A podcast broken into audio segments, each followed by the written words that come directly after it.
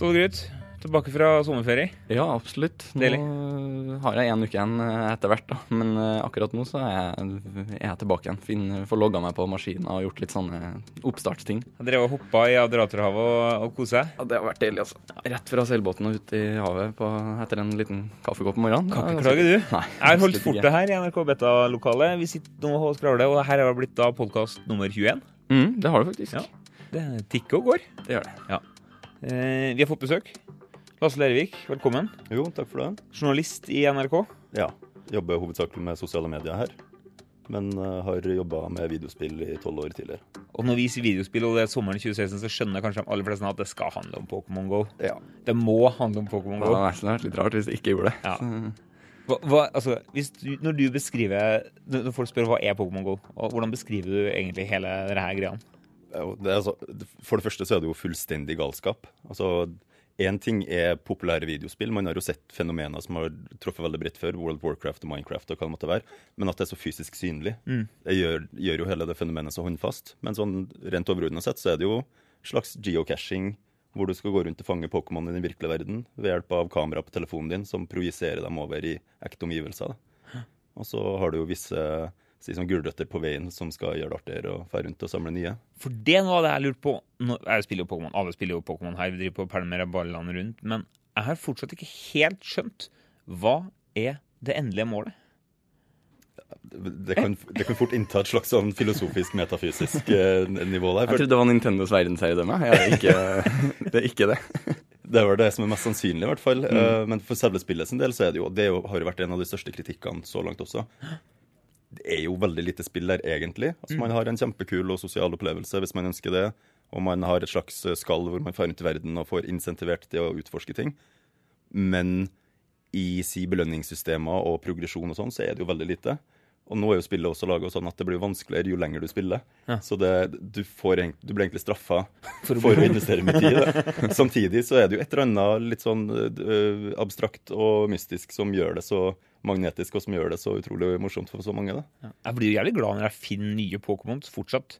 40 år gamle menn som går rundt og blir glad når man finner tegneserieting i den virkelige verden på mobiltelefon. Det, det, det, det har, jo, det, det er kjempedeilig, men, men jeg lurer på hvorfor blir jeg så glad, og hvorfor treffer jeg så bredt? Fordi når jeg går rundt, så er jeg jo litt sånn late som jeg spiller litt i skjul, og så ser jeg jo sjuåringer som springer rundt og på ingen måte spiller i skjul. De er jo ellevilt glad. Men her har du både altså 40-åringer og 7-åringer. De har kanskje ikke det sånn nostalgiske forholdet til Pokémon som jeg kanskje tenkte at skulle være den eh, store masseappealen. For jeg husker at vi spilte Pokémon på altså Gameboy og delt kort og sånne ting, men jeg trodde at det var litt mer sånn jeg som er født i 1990 og altså rundt der, at det, det er en det hadde en veldig sånn nostalgisk greie som var med og drev hele populariteten. da. Men her er det jo åpenbart alle Ja, hvorfor aldersspenn. treffer jeg så bredt? Jeg, jeg, tror den viktigste årsaken rett og slett er at de nådde en slags kritisk masse av brukere veldig tidlig. Trolig ved hjelp av de nostalgikerne og de som har et forhold til Pokémon fra før av. Det er en av tidenes største underholdningsfranchiser, liksom. Uh, som gjorde at det nådde ut til mange, og så fort det ble et fenomen, så har det jo en veldig smitteeffekt. Det er jo den vanlige si sommerbøssen, enten det er jojoen eller fingerboard eller hva for noe eh, opplegg som kommer tilbake, så merker man jo at det har en ekstremt kjapp spredning. I kombinasjon med at det er noe mystisk, det er noe nytt, til tross for at spillet i seg sjøl ikke er så veldig avansert, eller eh, kanskje har de typiske si, mekanismene som har en tendens til å dra folk til spill, da, så er det noe veldig annerledes enn du har gjort før. Mobilspill er jo tilgjengelig, alle har jo en smarttelefon noen har sagt. Eh, og det er bare et eller annet med at alle kan delta og prøve å finne ut hva det her er for noe. Prøve å liksom eh, stikke hull på bobla og, og forstå hypen. da. Ja, for det er litt sånn, Jeg har hørt om mye sånn eh, altså, Når vi så iPhone begynte å komme med her eh, Sega som lanserte sine nye spill, sånn Monkey Ball og sånn, nå er, nå er iPhone den supre spillkonsollen. Men jeg tenker sånn, ja, spillene har liksom aldri helt tatt av i, i det å være så avansert nødvendigvis, men nå skjønner jeg litt det her med at uh, du har en spillredskap med deg hele tida i form av telefonen. da. At du kan rett og slett bare plukke opp telefonen, og så spiller du Pokémon GO når som helst. Og det er nødvendigvis ikke det at spillet er så avansert, altså grafikk og sånne ting, men det at uh, funksjonene sånn som det her at du bruker kameraet og altså GPS-en, altså det er de tingene som er med å drive spillet framover. Ja, fordi at det er knytta til den virkelige verden. Det er synlig. Vi ser alle som går rundt og spiller. Og det bruker til en viss grad AR. Ha, Har vi sett spill tidligere som gjør det samme?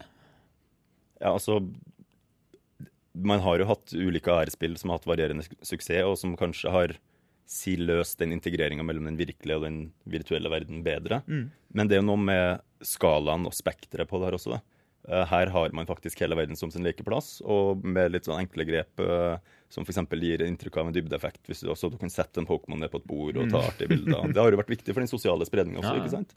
Uh, så det er noe med at man får slags, en sånn kombinasjon av geocaching her og um, et sånn veldig enkel, men effektiv bruk av AR.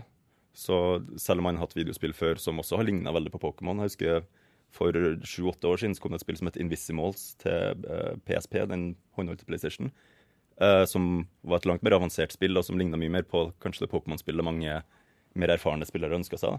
Men det greide ikke å, å senke terskelen nok til at mange nok kunne spille, og at det ble en opplevelse i seg sjøl, det. da. Men uh, sånn rent mekanisk sett og i sammensetning så er det jo ikke noe unikt med det som sådan. Men de har jo truffet riktig og med strakrist på veldig mange ting samtidig. Ninantic. Niantic. Niantic. Samme folkene som laga Ingress for Google. Den var vel et Google-selskap? Ja, Niantic er en sånn såkalt spin-out fra Google spin eh, for noen år siden. Som eh, Jeg leste en artikkel i, i, PC World eller Computer World eller noe sånt som, som tok for seg Niantic for Det er noen år gammel, den saken, da, men, men, at Niantic egentlig er et sånt uh, eksperiment uh, som, som, smelter sammen ganske mye forskjellige ting som Google jobber med, sånn som f.eks. AR og GPS og, og, sånne ting, som egentlig skulle være eksperimentere med mulighetene som ligger i Google Glass, f.eks. Det at du har et sånt device på deg hele tida som, som, er klar over omgivelsene dine, og som har mulighet til å projisere informasjon på, på den virkelige verden, så å si.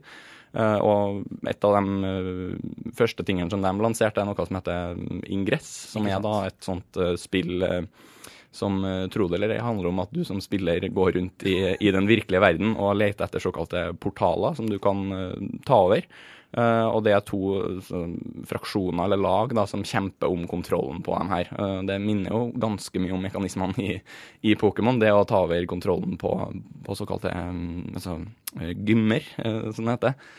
og I tillegg i Pokémon så har du sånne pokestops. da, og det, Hvis du holder ingress og Pokémon opp ved siden av hverandre, for et kart for et gitt område, så ser du at portalene er stort sett akkurat de samme. Så det de samme datagrunnlaget de har brukt, rett og slett. Og ja. det er crowdsourca.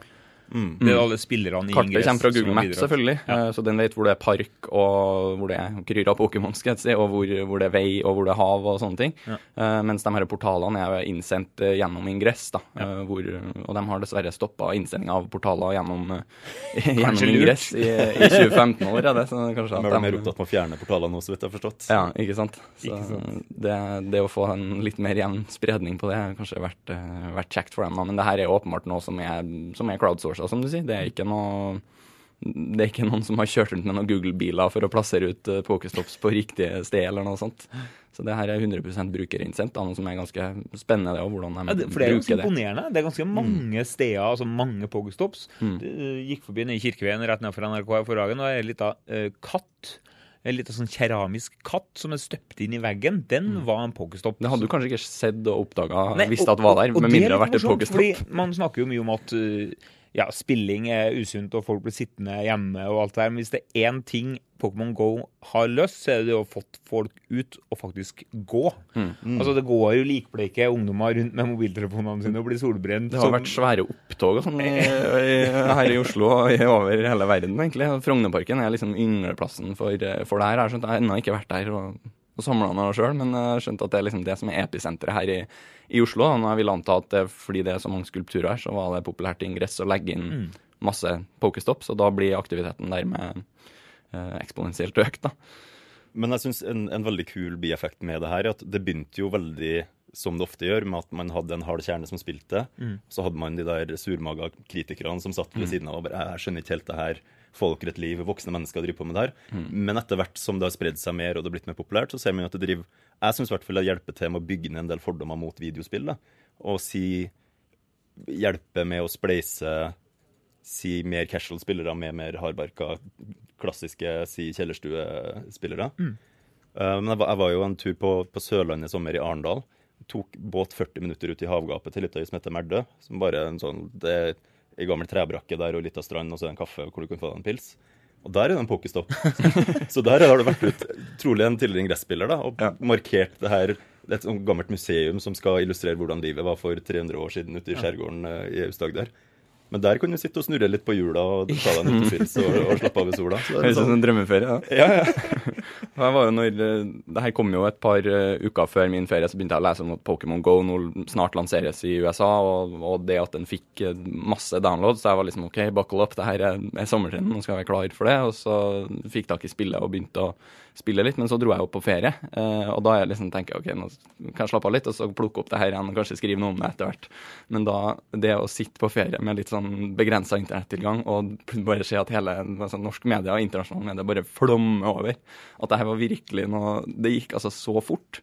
Og det er liksom, det er sjelden egentlig det skjer noe som går fra 0 til 100 i den hastigheten, da, av gjeldende altså, sånne type teknologitrender. Men det, jeg tror den det at det er kanskje såpass enkelt, eh, øker den masseappealen, som gjør at du får en, ja, en kritisk masse på en, på en eh, ja, måte som vi kanskje ikke har Vi ser ikke så ofte, i hvert fall, da, at det blir så populært. Men det er interessant, en ekstremt bratt kurve når det kommer til, til utbredelse. Altså, det eksploderte jo, det må være lov å si. Har vi glemt om en måned? Eh, Nei, det tror ikke jeg. jeg. Jeg tror De kulturelle ringvirkningene alene tror jeg man kommer til å se i lang tid. Mm. Og avhengig av hvor flinke utviklerne er til å drive og polstre og patche og, og fikse det her. For de har fått en del tyn, sånn De, utviklingsmessig. de holdt jo kjeft i tre uker etter utgivelse. De satt plutselig med verdens mest populære spill i hendene sine. Ut fra enkelte målsokker, kanskje tidenes mest populære videospill. Og sa ikke et eneste ord når ting begynte å rakne i sømmene.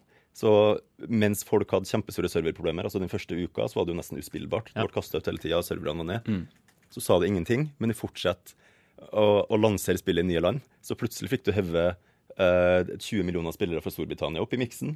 Serverne ble enda dårligere. Hørte ikke noe som helst. Det er først for tre dager siden, altså nesten en måned etter utgivelse, at de har begynt å si noe i det hele tatt. Og da er det jo en, en sånn sedvanlig buzzword-bingo og bare noe forsøk på brannslukking. Ja.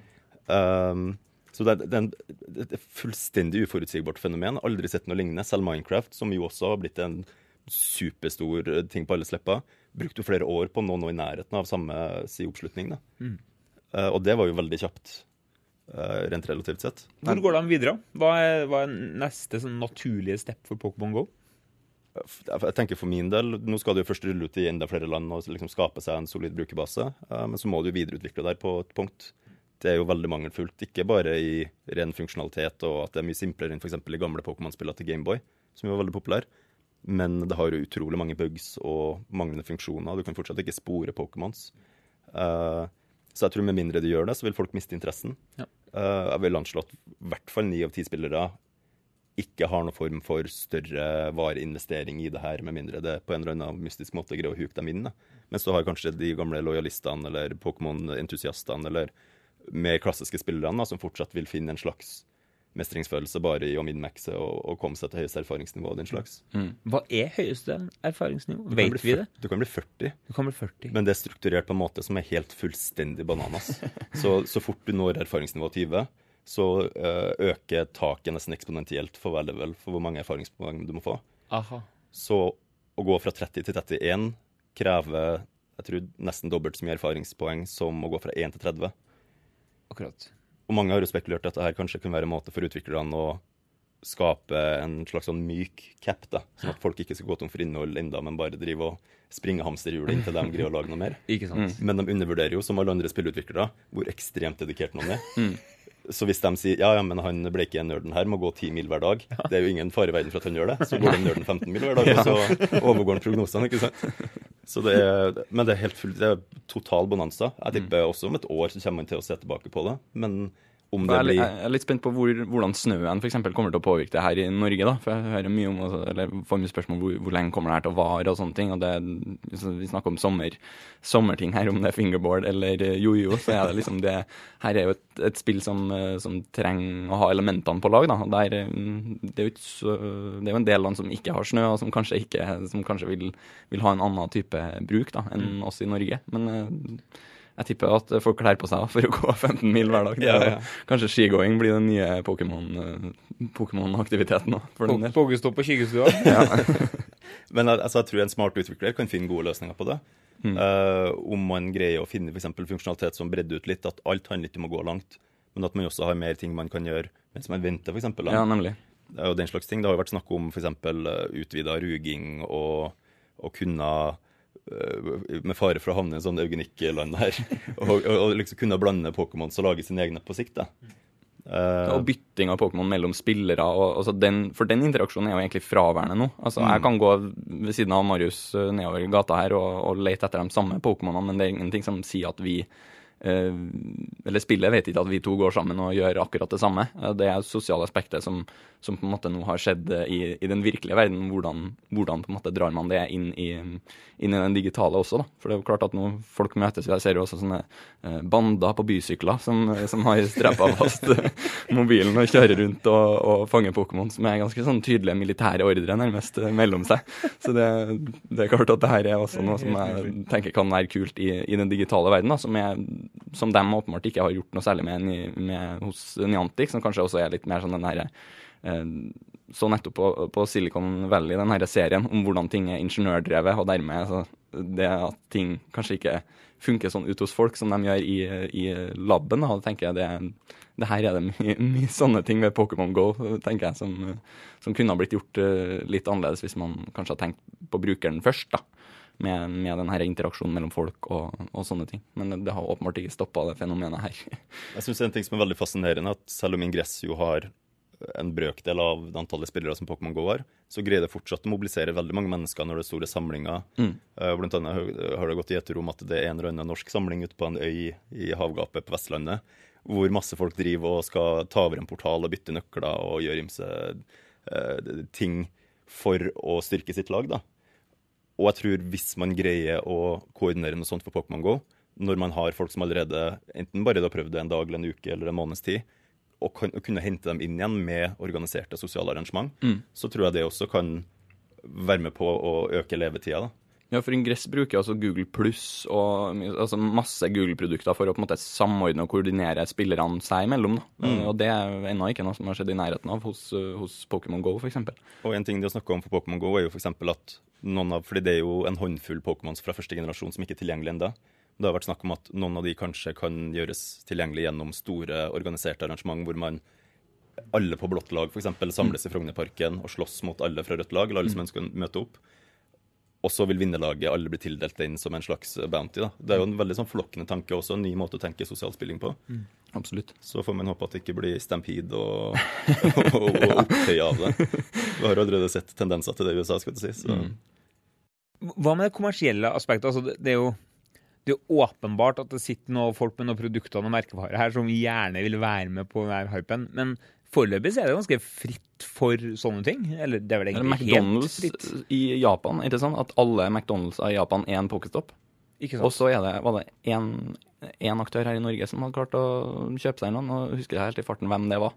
Men, Får, men vi har får vi til slutt et helt sånn gjennomkommersialisert Pokémon Go? Litt Ja. sånn samfunnet for øvrig. Ja, du tror det? Ja, definitivt. Ingress, Ingress uh, selger jo eh, portaler til kommersielle aktører hvis de ønsker det. Mm. Det trenger ikke nødvendigvis å være fullstendig krise da.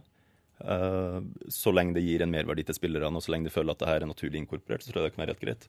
Men jeg tror aldri i verden at Niantic kommer til å si fra seg muligheten til å tjene noen ekstra titalls millioner kroner på å hyre inn andre samarbeidspartnere. Og kanskje vil de også få press ovenfra. De er jo eid av Altså, De er jo deleid av Google, de er deleid av uh, Nintendo. Det er jo masse folk som sitter eh, rundt et styrebord og skal ha sin meningsakt her. For det er en del penger i sving allerede. Ja, jeg leste en prognose her om at de hadde omsatt Hva var det for noe? Det var i hvert fall i størrelsesorden flere titalls millioner daglig. Og på et punkt utgjorde halvparten av all omsetning AppStore løpet av et par døgn. Ja, Det sier noe om hvor stort det her har blitt. Ja, og, men også, noe av det som er veldig fascinerende med det, er at det er veldig vanskelig å kjøpe seg fordeler som sådan i spillet. Du kan kjøpe deg, Hvis du er litt dårlig til å kaste, kan du kjøpe deg litt flere baller, eller du kan få deg litt flere erfaringspoeng. Men jo høyere level du blir, jo vanskeligere er det å fange Pokémons. Så blir høyere level er en, et større negativ enn et positiv. Men folk har gjort det fordi de liker å kjøpe seg lures, som øker sjansen for at alle sammen fanger Pokémons i et område en halvtime. og man, man ser en veldig sånn sympatisk måte å tjene penger på enn så lenge, og det har brukerne respondert veldig godt på også, vil jeg si. Helt til slutt, hva er ditt beste Pokémon-øyeblikk så langt? Mitt beste Pokémon-øyeblikk eh, sånn utover å få døyva abstinensene mine da jeg var ute i skjærgården i Aust-Agder. Så, så altså, jeg, jeg vil si det er mange små sånn fantastiske hverdagsøyeblikk hvor man bare får tusle rundt og kanskje har hatt en litt treg dag på jobb og jobba litt overtid og går litt slukåret hjem klokka kvart over elleve, og så plutselig dukker det opp en eller annen du ikke har i en busk, f.eks. Og opp med telefonen og begynner å hive baller. og liksom Du får en slags sånn følelsesmessig investering i det også. da. Et eller annet med å kunne oppdage den der mystikken i, i hverdagen på et vis. Eh, så jeg husker jeg fant en slags sånn skrekkøgle på Tøyen eksempel, midt i trafikken og holdt på å bli påkjørt og bare for og sulla rundt som en eh, landstryker. Men eh, ja, jeg, jeg bare elsker de der små tankene på at hvis jeg tar opp spillet iblant, så kan det gi meg en overraskelse ut av det blå. Oftere enn ikke så gjør det ikke det, og bare frustrerende å ende opp med å være et slags sånn tidtrøyte. Men jeg, jeg, tror det er mye av grunnen til at det har blitt så suksessrikt også. At her, her, får man et ekstra slags sånn mystisk lag oppå virkeligheten. Så får vi se hvor langvarig det er. Hvordan lever du på? Nei, Nærmer meg 25 nå. 25. Men da har jeg hatt jobb og sommerferie, altså. Så det er med, det er med moderasjon. jeg liker at alle sammen må unnskylde seg. Ståle, du er på level 3, eller? Hvor langt Nei, du er faktisk jeg er sånn 100 poeng unna level 8 nå. Og da har jeg skjønt at da begynner det å skje litt nye ting. Ja. Eh, kan jeg stemme, eller? Du husker kanskje ikke så langt tilbake? Nei, altså du begynner, altså, jeg sier rundt 12, vil jeg si. Da begynner okay. ting å åpne seg. Men det er kort mellom 8 og 12. da. Mm.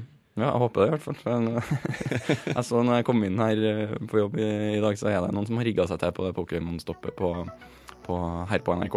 Som jeg tror det sitter en fyr på Sporten og kjøper masse lures. For ja. jeg har merket at det er samme Ja, jeg har alltid mye aktivitet. Det er nemlig sånn at På NRK så har vi en Pokémon-stopp veldig i, egentlig i hovedinnkjørsla. Ja. Og sporten, sporten. sporten sitter faretruende nære. Ja. ja. De kan nok bare sitte og håve inn på det Pokémon-stoffet. Alle burde få hospitere i uke hos, hos ja, ikke sant? Jeg tror vi kommer til å komme tilbake til Pokémon Go og snakke mer om det i tida som, eh, som kommer. Eh, Lasse Leirvik, tusen takk for besøket. Det var hyggelig. Stålgrut, Marius Arnesen, vi takker for oss, vi. Yes, takk for nå. Takk for nå.